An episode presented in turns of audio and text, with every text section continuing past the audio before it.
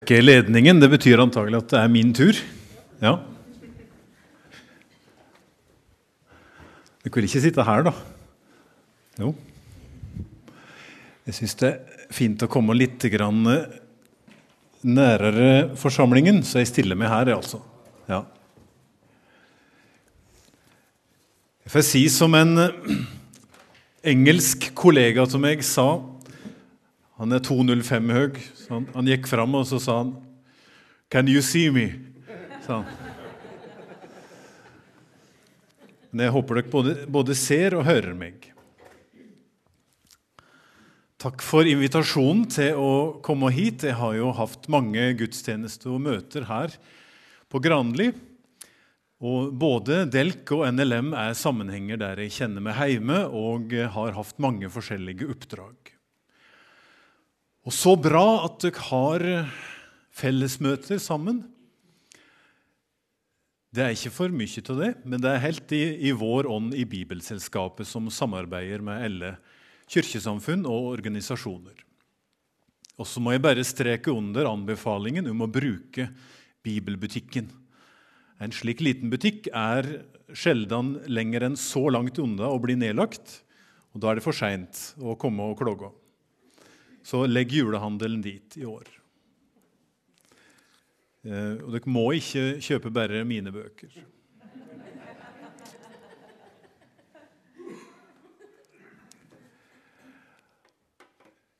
Hvordan skal en være ei kristen kirke i dag og i ljos av Johannes' åpenbaring? Og det er jo bare ei bok i Bibelen, men det er spennende å se med det perspektivet.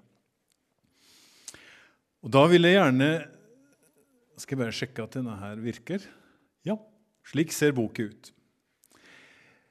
Jeg vil gjerne starte med noe som jeg ikke må glemme å si, og som skal være litt av en gjennomgangstråd, og som òg blir tema på gudstjenesta i morgen.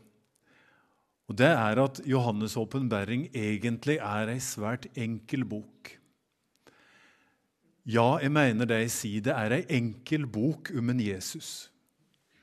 Hun er skrevet til trøst og styrke for helt vanlige kristne, slike som oss. Òg folk som hadde det vanskelig på mange måter. Og Hun var skrevet til høytlesning i fellesskapet, at en skulle sitte sammen og lytte til dette. I kapittel 1 så starter det i vers 3 med at det blir sagt Sel er den som leser opp orda i denne profetien, så hun skal leses høyt. Og sele er de som hører, de som sitter og lytter. Det er kanskje ikke så vanlig å si at det er ei enkel bok om Jesus. Hun er jo full av vanskelige bilder. Min bok har en del illustrasjoner gjort av en ungdom, Mari, datter vår. Men det er mange uforståelige bilder i åpenbaringen. Figurer med venger og øyne overalt. Men hun er ei enkel bok om en Jesus. Jesus er det første navnet som er nevnt i kapittel 1. Jesus er det siste navnet som er nevnt i kapittel 22. Navnet hans omkranser hele boka. Det er Jesu Kristi åpenbaring. Det er det som er den egentlige tittelen. Så hun viser oss bilde etter bilde av hvem en Jesus er. Svake og sårbare bilder, som bildet av lammet som så ut som det var slakta. Bildet av barnet som blir født, og moret som må legge ut på flukt. Disse to bildene det er jo juleevangeliet og påskeevangeliet i Johannes' åpenbaring. Fortalt med litt andre ord. Juleevangeliet, kapittel 12, om barnet som blir født. Og påskeevangeliet, kapittel 5, om lammet som så ut som det var slakta. Men det er òg sterke og triumferende og flotte bilder av en sigerherre og en rytter på en hvit hest og menneskesonen. Så du har mange forskjellige bilder. Og Hvis jeg skulle gi ett tips til å begynne med Jeg skal gjenta det i morgen, men så er det å lese Johannes' åpenbaring på leiting etter Jesusbilder. Det er flere enn du tror. Kanskje du, du husker slike barnebøker eller bildebøker som heter Finn Willy. I et stort, uoversiktlig bilde så gjelder det å finne en bestemt person i en stripete genser. Men litt slik er det i åpenbæringen òg. Blant mange forskjellige bilder finn Jesus. Og Jesus er akkurat den samme i Johannes' åpenbæring som i evangelia. Også i åpenbæringen så legger han hånda seg på Johannes og sier, 'Vær ikke redd, det er meg.' Jeg er den som var død, som ble hengt på en kross, men som har blitt levende igjen, som sto opp igjen. Du så jo sjøl den tomme grava mi da du sprang dit i sammen med en Peter. Første gangen en eh, Jesus og en Johannes møttes, så var de unge. Det var på stranda av Genesaretsjøen, og Jesus sa, 'Følg meg'. Så går det over 60 år, og det møtes på nytt på Patmos. Johannes er nå en olding, og Jesus er like ung. Den samme i går og i dag og til evig tid.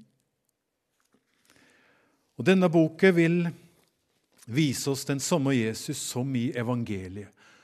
Den som er med oss alle dager så lenge verden består.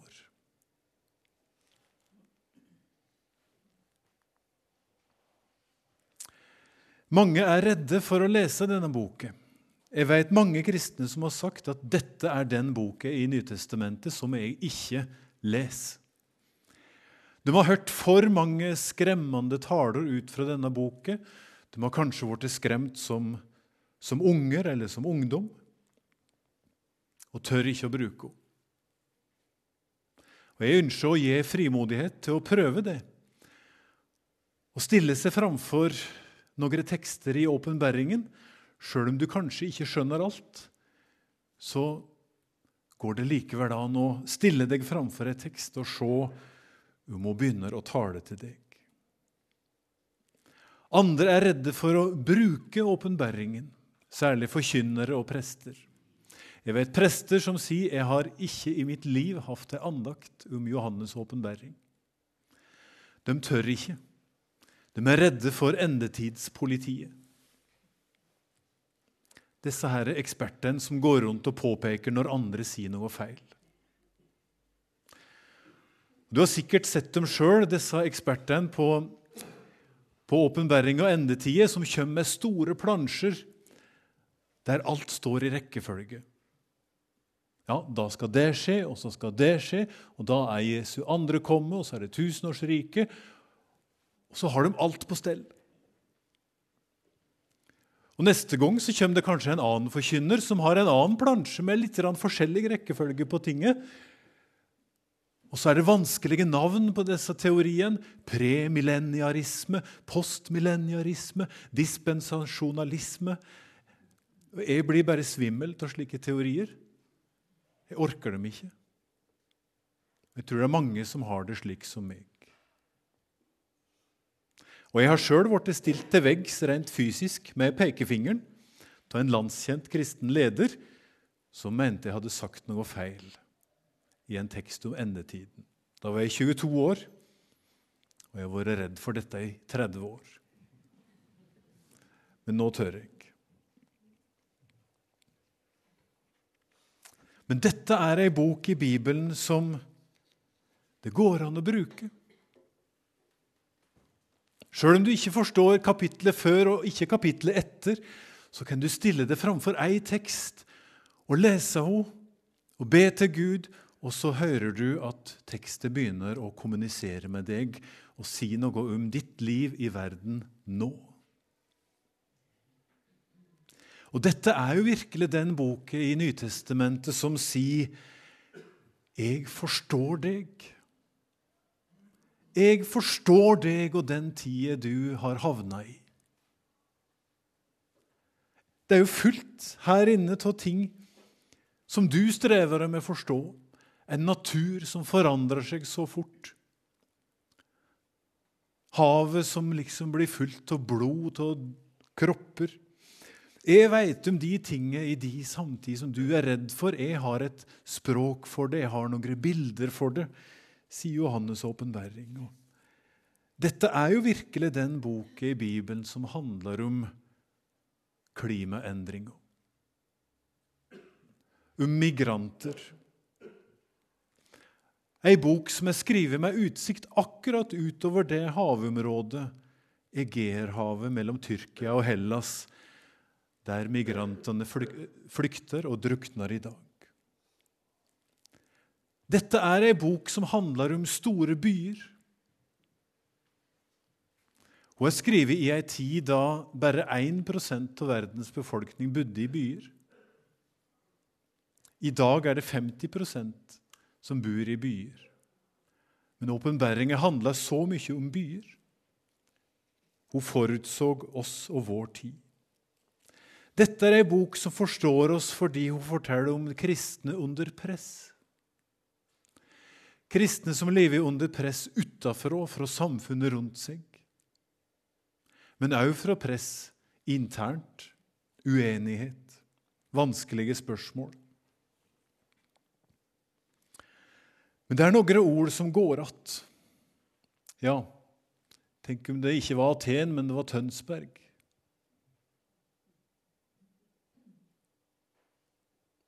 Ei bok som forteller om at treet på jordet brenner opp, at liv i havet dør. Da er det trist hvis det skal være akkurat de kristne som er klimafornektere og vender ryggen til, akkurat når Media og samfunnet rundt oss har begynt å bruke språket fra Johannes' åpenbaring og si det er en apokalyptisk varme. At oss da skal snu ryggen til.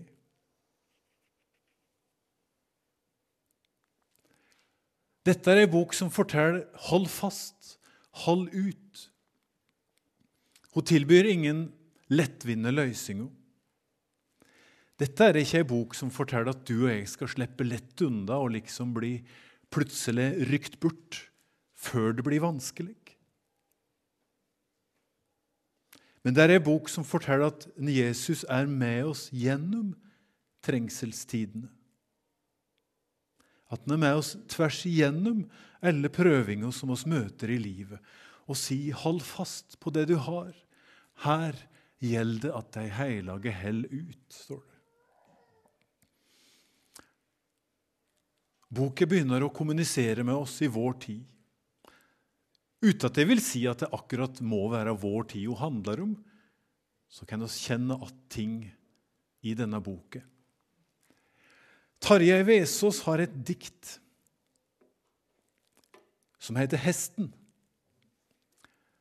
Han forteller at han sitter og arbeider. Det er antagelig vinteren og ei litt rima rute, og så plutselig oppdager han at det er et et fjes, et andlet på ruta der ute. Det er en grå hest. Det er hesten fra barndommen som dukker opp og begynner å granske den gjennom ruta. Og kikker inn på livet hans nå og spør hva er det du bruker livet ditt på? Det står nå ligger det inn på ruta en, et andlet, en hest, et veldig hesteandlet, grått som leir, med svarte, djupe øyne, en ser ikke meir. Og nå er han kommet på ruta og kaller fram alt som var rikt og enkelt i trollande ham. Å nei, det er ikke for moro, ikke kjem han med fred. Spørsmålet står inn strengt og stumt, hva driver du med?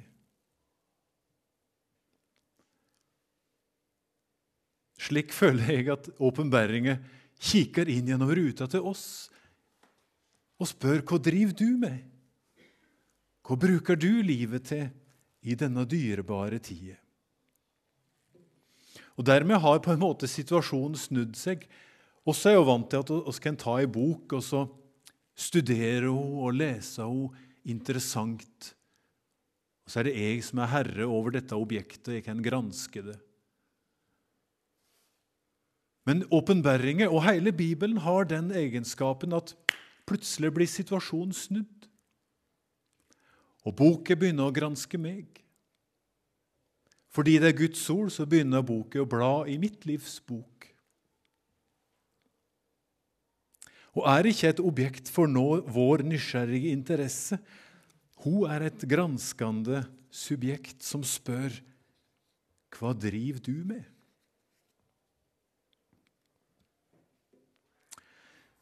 Så Det å være ei kristen kirke i dag, i samfunnet i dag, det er temaet mitt. Og Det er mange ting jeg ikke kommer til å ta opp, som du heller må lese i sammenheng i, i boken. Men går det an å lese ei 1900 år gammel bok i dag og få mening ut av det? Det er jo et relevant spørsmål. Går det an å lese ei bok skrevet til kristne ved Middelhavet for 1900 år siden og føle at hun taler til oss i dag? Vel, det er slik folk støtt har lest Johannes' åpenbæring. Det er den vanligste måten å lese Bibelen på i hele verden. Jeg møter det på Reise for Bibelselskapet i Asia, i Afrika, i Amerika. En leser ordet, og plutselig så blir ordet samtidig og begynner å prate med deg. Så det er den erfaringen som kristne over hele verden gjør, at jo, dette er ei bok som begynner å prate til oss i vår tid og føre ei samtale med oss. Det er to måter å gjøre boka ufarlig og irrelevant på. Jeg kan gjøre henne ufarlig ved å si at det handla bare om den gangen da, for snart 2000 år siden. En interessant bok om en religiøs gruppe rundt Middelhavet og hva de kjempa med den gangen. Da har det bare historisk interesse. Den andre utveien er jo å si at det bare handler om noe langt der framme. Veldig fjernt. Eh, det er noe som skal skje en gang, men vi skjønner ingenting av det. Begge disse måtene å lese på gjør boken litt irrelevant nå og litt ufarlig. Men jeg vil altså invitere folk til å bli med inn i rommet mellom i vår samtid. Det er akkurat i vår tid oss leser denne boken. Og Jeg sier ikke da at vår tid er den endegyldige oppfyllingen av alt i Johannes' åpenbaring. Hun prata til dem for 500 år siden òg, til Luther og de andre. Hun kommer til å prate til folk i framtida òg, som kommer til å lese si tid i lys av denne boka.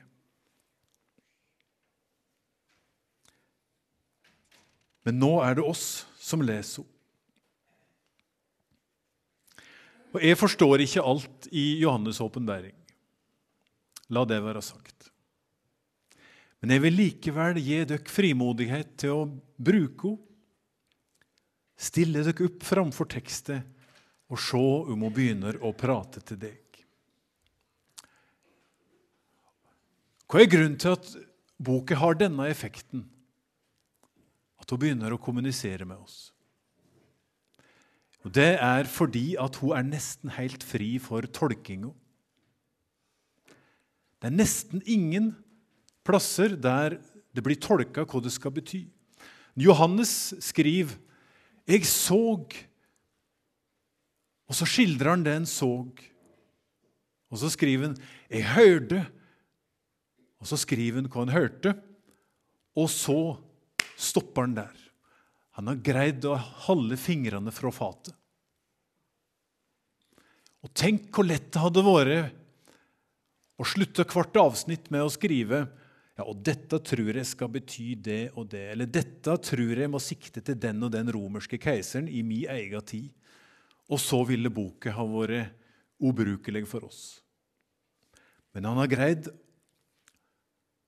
å skrive ei åpen bok, der folk fra forskjellige århundrer kan stige inn og se si egen tid og liksom speile seg i boka. Det er kanskje det beste bildet jeg har på Johannes' åpenbaring, at det er en halv full av spiler, som å si i Vågål Lom. Spegler. Framfor én spil så blir du plutselig høg. Framfor en annen blir du liten. Framfor en tredje så blir du bølgeforma. Du ser at det er deg, det er et bilde av deg sjøl som blir kasta tilbake. Ja, det er meg, men i en ny tolking framfor hver rute. Og Slik føler jeg at åpenbaring òg kaster tilbake et bilde av meg når jeg leser tekster, og begynner å tolke mitt liv. Vel, så får begynne å se på noen tekster. Det grunnleggende synet i Johannes' åpenbaring er jo i kapittel 1. Det er der en Johannes og en Jesus møtes att etter mange år. Et voldsomt syn der Jesus viser seg med gullbelte og kjortel, og andletet lyser som solet. Men Johannes skjønner straks hvem det er. Det er menneskesonen.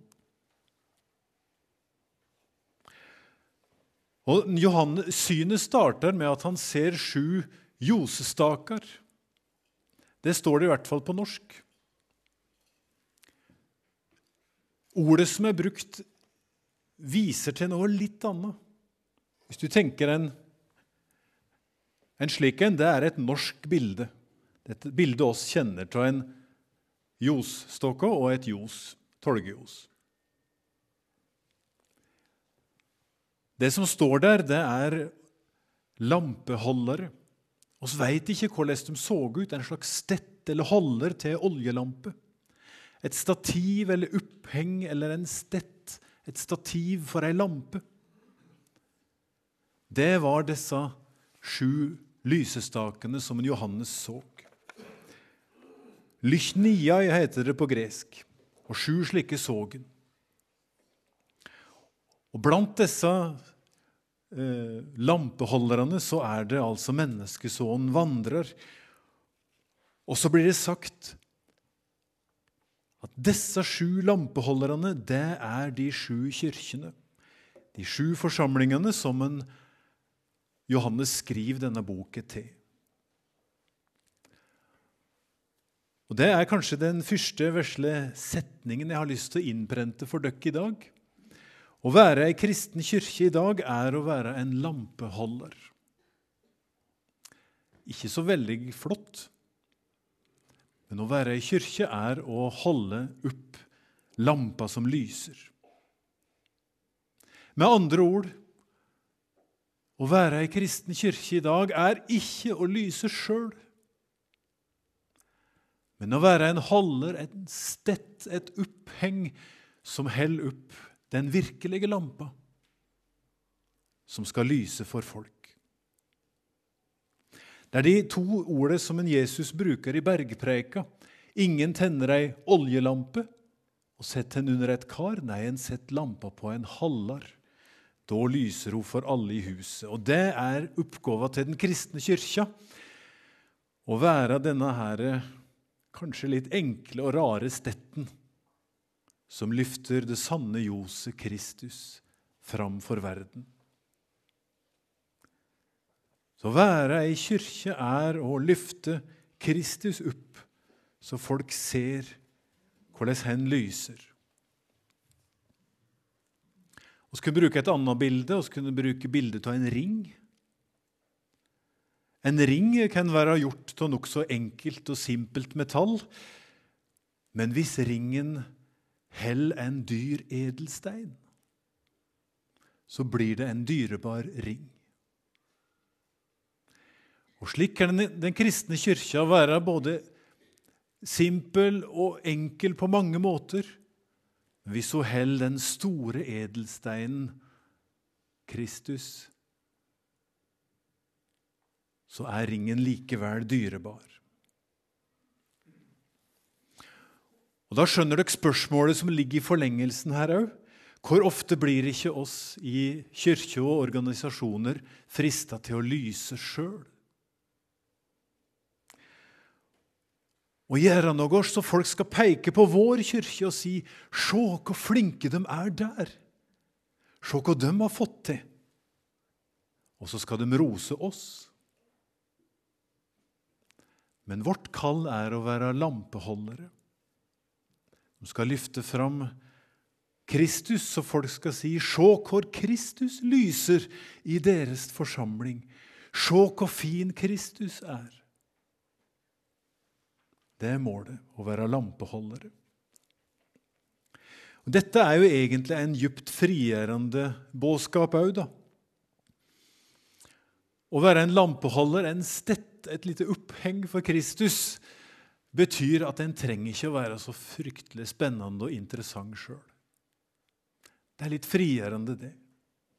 En skal slippe å stå i sentrum og være så utrolig flott. Men en skal løfte Kristus høyt opp, så folk ser hvem han er. Så Det er den første setningen. I løpet av helga skal jeg komme gjennom tolv slike setninger. og Det er den første å være en lampeholder for Kristus. Det andre grunnleggende synet i Johannes' åpenbaring, og da hopper jeg til kapittel fire, det er synet av Guds trone.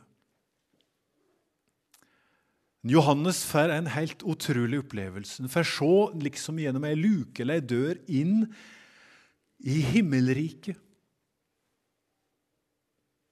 Og der ser han at det står ei trone. Og så kommer det ei setning som griper meg sterkt og det satt en på trona.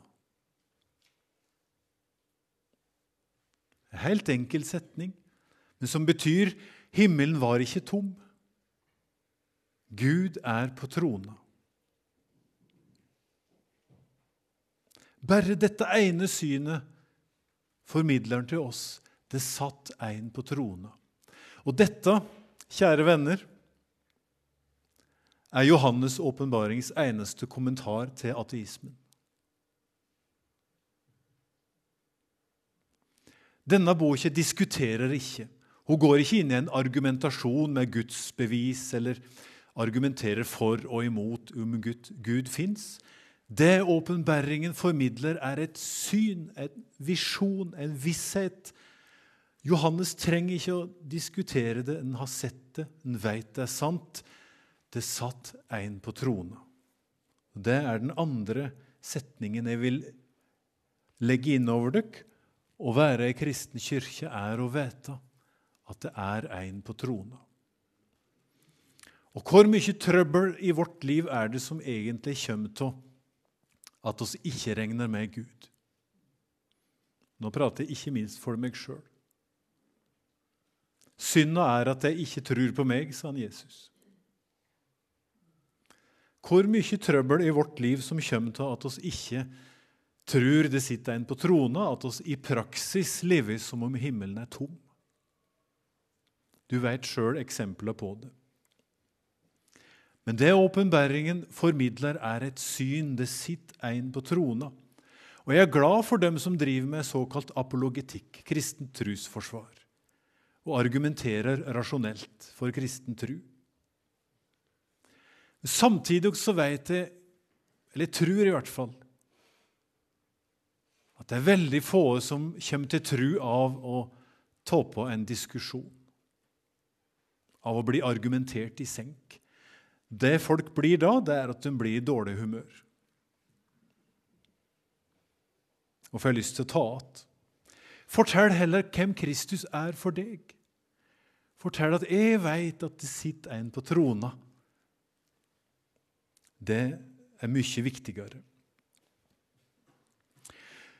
Da har jeg løfta fram to syn. Det er synet av menneskesonen som vandrer rundt blant sine lampeholdere i kapittel 1. Kapittel 4 med synet av trona, som ikke er tom. Og mellom der så står det altså sju brev. Brev som du og jeg har lov til å lese, fordi de nå står i Bibelen. Til sju kirker. Og Disse sju kirkene blir rosa for summe ting og utfordra på andre ting. Jeg veit om gjerningene dine, så får de høre det som er bra. Men dette har jeg imot deg, og så blir de utfordra på andre ting. Og Dette kunne jo vært tema for sju bibeltimer. Men Jeg skal ikke gå inn i detaljer her. Men jeg skal peke på ett helt grunnleggende faktum. Rett og slett at de sju brevene er forskjellige. Fordi de sju kirkene er forskjellige. De sju brevet er forskjellige fordi de sju kirkene er forskjellige. Og De er forskjellige fordi de ligger på sju forskjellige plasser. I sju forskjellige nabolag og har forskjellige mennesker som går i dem. Og slik vil mye være likt mellom NLM og Delk i Tønsberg. Men dere er likevel forskjellige, for dere ligger på to forskjellige plasser, i to forskjellige nabolag, og har forskjellige mennesker som går der. Og Det er den tredje setningen jeg vil gi dere i dag. Å være ei kristen kirke i dag er å være klar over at kirka er lokal. Og Hun må være lokal. Hun må passe akkurat her. Det er mange prester og pastorer som går på kurs og lærer om kirkevekst, og da helst etter ei kirke i Amerika. Men det går ikke an å ta alt fra ei kirke i en, et annet land eller en annen by og tre nedover ei kirke akkurat her. Du kan ikke pr prate og preike like ens i Levanger, Lillesand og Lom. Du må bruke en litt annen måte å prate på. Kyrkja akkurat her på Granli har noen utfordringer som andre kirker ikke har på akkurat samme måte.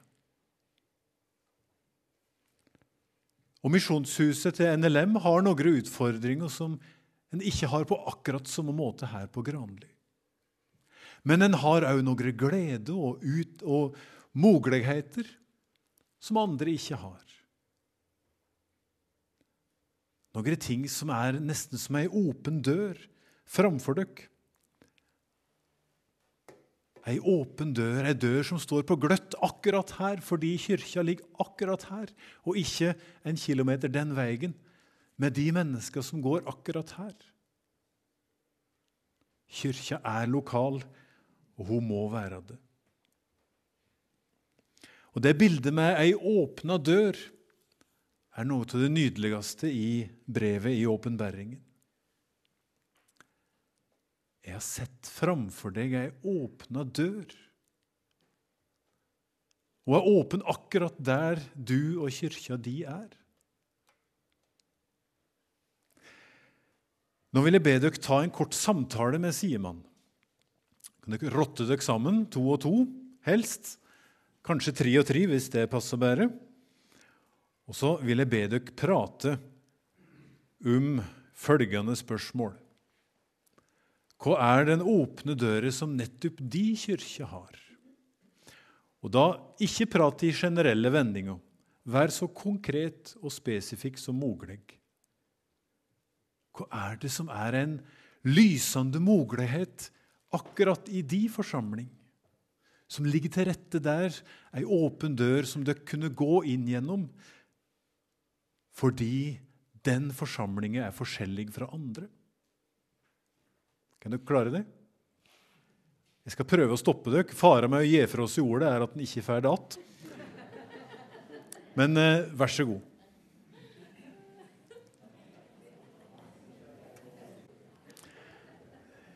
Ja, nå har jeg sett mange gode samtaler. Folk som eh, sitter lent mot hverandre og deler ting.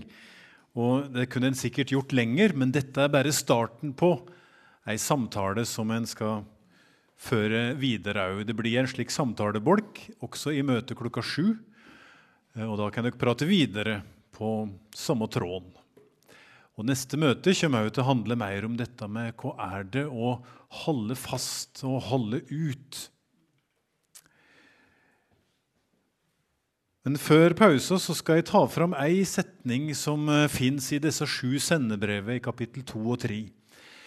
Ei setning som griper meg veldig sterkt, og har gjort det. Det er bare et lite utdrag. Det er ei setning som jeg tenker er sjølve Johannes' åpenbaring i en sum. Kanskje det er sjølve åpenbaringa. Jeg veit hvor du bor. Du kunne skrella bort alle detaljer i Johannes' åpenbaring. Og så kunne du sagt det er essensen til boken. Det er en som henvender seg til oss, og så sier han Jeg veit hvor du bor. Jeg veit om livet ditt. Det er hyggelig at du deler det med meg i bønn. Det setter jeg pris på, men jeg visste det fra før. Denne setningen er sjølve Johannes' åpenbaring. 'Jeg veit hvor du bor'. I en mafiafilm høres det ut som en trussel. Men i munnen hans Jesus så er det ord som er fulle av omsorg. At han er med oss. Han ser alt, han veit alt. Jeg veit hva dere strever med på Misjonshuset. Jeg veit hva som er vanskelig for dere på Granli. Jeg veit hva dere syns er nesten umulig å løse. Jeg veit òg hva dere gleder dere over, hva som er den store kjelda til glede i forsamlinga deres, noe som går bra. Og jeg veit hva til muligheter og åpne dører som ligger framfor dere. Fordi kyrkja er lokal, fordi hun ligger der der jeg vil hun skal ligge. Så det er den fjorde setningen jeg vil gi dere. Å bygge kirke er å være klar over at det er en som veit hvor oss bor. At vi ikke skal oppføre oss som om himmelen er tom, og at kyrkja bare blir drevet med vår kraft, våre ideer, våre initiativ. Åpenbæringen sier 'Jeg veit hvor du bor'. Jeg veit hva folk er opptatt av i ditt lokalsamfunn. Jeg veit hva folk tenker på når de ligger våkne om nettene i de kirke. Jeg veit hvem som er bekymra for sine egne unger og barnebarn jeg vet hvem som er redde for at ingen skal ta over gården eller familiebedrifter. Jeg vet hvem som ligger og er redde for at familien skal dette fra hverandre. Men midt i dette så er det ei kristen kirke til stede som formidler håp. Ikke fordi oss er så storarta, men fordi oss er lampehellere og løfter Kristus fram. Når Kristus er til stede gjennom vår tjeneste og vår bønn og vår diakoni, så er det håp.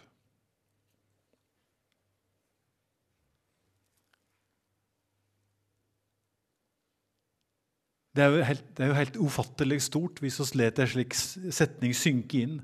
Det er en som veit om oss. Det er jo egentlig hele evangeliet. Det er hele åpenbæringen. Da kan vi jo tåle hva som helst. Da kan vi gå hva slags skremmende framtid som helst i møte hvis vi veit dette.